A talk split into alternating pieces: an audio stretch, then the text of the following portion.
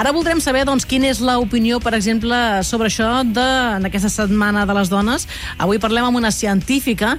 És una dona que treballa en un laboratori de llum i és la cap de secció de Ciències de la Vida noms molt poètics per conceptes científics que intentarem explicar i comprendre. Hola, benvinguda al Pop-Up, Judit Joanuix, com estàs? Molt bé, molt bé, encantada d'estar aquí amb tu, Mariola. Bé, treballes al Sincrotró Alba, que, com dèiem, és un laboratori de llum, és únic en tot l'estat espanyol i el més important de la zona del Mediterrani. Però, clar, sempre, només quan arribes als llocs, el primer que has de fer és explicar què és un sincrotró. Sí, clar, un sincrotró, el nom és cridaner, no? Sincrotró, sincrotró. Sí. De fet, eh, puc explicar una història. Potser que fa molt de temps, fa molts anys, eh, va arribar una carta a la Universitat Autònoma abans on estàvem i eh, anava dirigida al laboratori Control. I llavors, doncs, eh, lo fort és que va arribar és que, és que va arribar. Això vol, vol dir que realment la tot eh, encara estava molt desorganitzat, ningú sabia què carai era, però sabia que fèiem coses rares, no? I al final aquella carta va arribar. No, però ara és molt diferent, el, el sincrotró és una realitat i és una realitat per molts tipus de ciència. El, el sincrotró, o la instal·lació de llum sincrotró, en realitat el que és és un gran, grandíssim generador de raigs X que es generen a través d'un sistema d'acceleradors de partícules. De fet, aquestes partícules són electrons que les portem quasi, quasi a la velocitat de la llum i després, mentre van donant voltes amb una trajectòria circular d'una circunferència de 270 metres, doncs van emetent llum. És aquesta llum la que fem servir nosaltres. I és una llum en moltes freqüències i especialment eh, és útil en X. Per tant, el que som nosaltres és un gran generador de X. Llavors la pregunta... I la veritat... Clar, perdona, digues, digues. La, la, la, no, no, la llum pot ser que sigui nano, no? La, les partícules són petites, però és que us heu d'imaginar unes instal·lacions brutals, gegantines, no? Sí, sí, sí. De fet, aviat eh, obrirem una jornada de portes obertes per tothom que vulgui anar. T'hi has d'apuntar eh, prèviament, però, però animo a tothom que quan s'obri la convocatòria, doncs, eh, apunteu-vos. Eh, hi ha menys places de, de que, que demanda, per tant, recomano doncs, fer-ho fer, aviat. Però, però sí, és, és una gran instal·lació, evidentment. És una instal·lació singular, no, només n'hi ha una al, al, al sud d'Europa, i, i això és així perquè, perquè, clar, és gran i llavors és molt útil per tots els uh, grups, molts grups investigadors en física, en química, en biologia. Ahir estava fent una, un experiment en arqueologia, amb dents de nens íbers, imagina't. O sigui, serveix una mica per tot, perquè els raigs X és, un, eh, és, un, eh, és una eina molt i molt útil per tal d'explorar qualsevol cosa que tingui àtoms. És a dir, bàsicament, tot el material, tot. Clar, no, no, i fins i tot eh, jo hi vaig anar no fa massa i és, és a Cerdanyola de, del Vallès, concretament al costat de l'Autònoma, i, I la veritat és que em van explicar també que arran de la, de la Covid allà hi havia moviment també de gent que estava investigant pels medicaments, o sigui, és un camp molt obert. De fet, és un centre com d'investigació, no? És molt important que hi hagi centres per la investigació, és un centre obert a la investigació tant pública com privada, també. Sí, exacte. De fet, hi ha com gran, dos grans tipus de centres d'investigació. Hi ha, per una banda, els centres d'investigació temàtics, jo que sé, el, eh, pel càncer o bé per nous materials, etc. I aquests, aquests centres doncs, fan investigació temàtica. I a part, tens el que s'anomenen grans instal·lacions. El sincrotron és una, però també, per exemple, el Gran Telescopi de Canàries doncs n'és una altra, o el vaixell oceanogràfic per estudiar els oceans doncs, també n'és una altra. Totes aquestes grans instal·lacions no són eh, propietat de cap grup d'investigació en particular, sinó que es posen a disposició de tots els grups que ho poden, ho poden fer servir. I és aquesta la gràcia del sincrotró. I la gràcia del sincrotró, com deia, és que eh, tant pot servir per un, eh, per un grup que estigui estudiant doncs, eh, això, doncs, el, com, com s'acopla antivirals, per exemple, en, en, en el virus de la Covid, fins a nous materials per cel·les solars o noves bateries, etc. El que, el que, una mica tot. I fa pocs dies es van estrenar dos microscòpics electrònics d'alta gamma, també, no? Que es va tornar a parlar del sincrotró. Sí, i aquí ha estat un canvi de paradigma, diguem. Fixa't que tota l'estona he estat parlant de ràgics és a dir, sí. nosaltres el que estem fent servir és llum, llum en la freqüència dels raigs X. de la longitud d'ona dels raigs X, per tal d'explorar uh, la matèria. El que passa és que les, les investigacions científiques actuals són tan complexes que no n'hi ha prou amb una sola, una sola tècnica, no n'hi ha prou només amb raigs X, no n'hi ha prou només amb, amb microscopis òptics, necessites moltes tècniques. I llavors aquestes, aquesta comunitat que nosaltres tenim doncs també fa servir altres tècniques que ara estem començant a oferir, i en particular la microscòpia electrònica.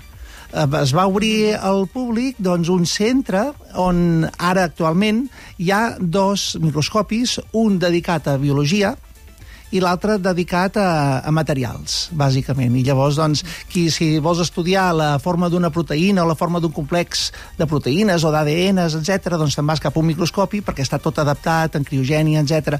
Està tot adaptat a, a aquestes investigacions, mentre que si estàs estudiant nous materials per per, no sé, per corrosió, posem per cas, catàlisi, el que sigui, doncs llavors n'has d'anar cap a l'altre. Mm. Clar, el Sincrotró Alba el dirigeix una dona, no? La Caterina Viscari. No sé quin percentatge de dones treballeu al Sincrotró Alba. Estem sobre el 27%. També és veritat que és molt típic que administració hi ha molt més percentatge que, per exemple, en, en el departament de, de, de, de computació, de, de controls. Sí, no, no, no tan científic, curiós. I dintre del, del científic, en l'àrea de ciències de la vida, on jo estic, doncs hi ha més dones que en branques més, més físiques. Els rols de gènere també juguen en, en, en, en els diferents camps, de fet, com bé, com tota la resta de la societat, perquè de, al cap i a la fi la ciència que produïm és filla de la societat que tenim. Mm, clar, tu ets física, no, Judit? Jo sóc física i m'he anat reciclant de mica en mica cap a la biologia, però sí, sóc física de formació. Clar, no, jo, jo de fet vaig ser aquí al Cincotró en un, en un meravellós festival que unia literatura i ciència i crec que, que hem de trencar no, això de ciències o lletres no? I, i crec que tot està com bastant interrelacionat i cada vegada es nota més, no? Sí, realment. El, uh, ciència i lletres sempre ha estat uh, oposat, no? Què ets, a ciències de lletres, no? Doncs uh, que, què és l'escriptura, nena o nena? Sembla que, que, que siguin uh, compartiments totalment estancs, que no tinguin res a veure un altre, i si ets una cosa ets anti l'altra.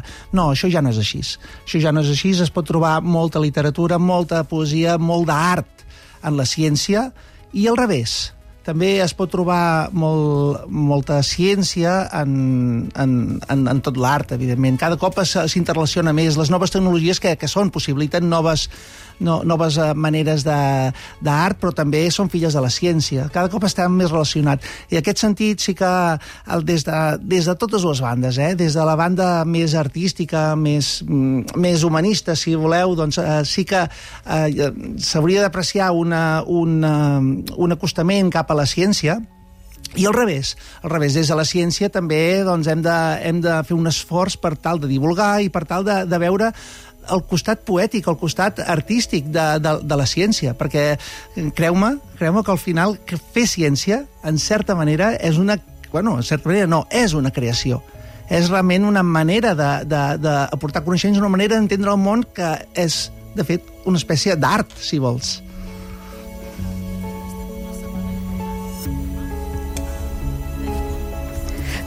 Sembla que hem perdut un, momentàniament la Mariola. Mentrestant podem mirar una mica el teu compte de Twitter, que, on veiem que has fet xerrades diverses explicant què feu al sincrotró. La setmana passada vas fer una xerrada davant de diversos consellers de la Generalitat o explicant què fan les dones a la ciència.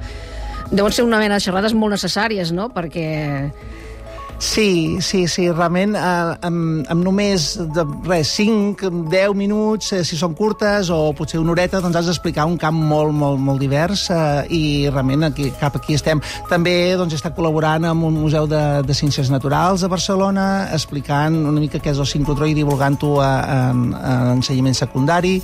Um, estem fent una mica, una mica de tot, sí. També veiem en, el teu, en la teva descripció al teu compte de Twitter, dius científica, científica? Científica, sí. Científica, això què vol dir? Això vol dir que, bueno, científica, però amb un punt, no? O sigui, uh, a veure, la, la ciència no, no es perd mai, és una manera de, de veure-ho, però sí ho podem veure des d'una altra manera, menys, eh, si vols... Eh, no, sense perdre el rigor, però no posant-lo al centre. O sigui, ha de ser una base, però després hem d'anar més enllà. I, I per això doncs, prefereixo dir-ne dir científica, una mica com malèfica, si vols, fer enriem una mica de mi. I també feminista de marge, física, indi, trans, batxiana, mare lianta. El concepte trans és el cinquè que poses per tu on se situa en importància aquesta part de, de la teva definició? Sí, jo sóc eh, una dona trans, transgènere, si voleu, i, i bé, de fet, forma part de tota la, la meva vida perquè ser trans marca molt. El meu recorregut vital no és una cosa que, que puguis canviar com, com el, el color del cabell, desgraciadament. Uh, llavors, doncs, ho, ho poso mig també perquè, per, també per desmitificar-ho. La, la gent es pensa que les persones trans només ens dediquem a la vida ser trans i prou. I no, i no és així. Uh, evidentment, doncs, nosaltres estimem, ens agraden les coses, cuidem els nostres fills, uh, cuidem de les persones estimades, treballem, uh, fem esport, el que sigui. I, a més a més, som trans. I aquest, amb això és el que vull reflexar en, en, la, en la descripció. Soc trans, sí, però també m'agrada Bach per això sóc bachiana, i també sóc feminista, de marge, perquè eh, estic en el marge, i també sóc indi, perquè sóc independentista, i així tot. I també dius que ets l'única dona trans de Catalunya que manté la, qüestió del, la custòdia dels seus fills amb l'oposició de la seva exparella, i, i que és així perquè has pogut mantenir la teva feina. Bàsicament sí. Hi ha un, hi ha un gran... Eh, un, un gran estigma eh, contra les, les dones trans i, i sembla que no puguem desenvolupar-nos i, a més a més, cuida, tenir cura de la nostra família i molt en particular els nostres fills i això fa que pels, pel suposat bé superior del menor va que se'ns eh, se aparta de les nostres famílies. Això no és així.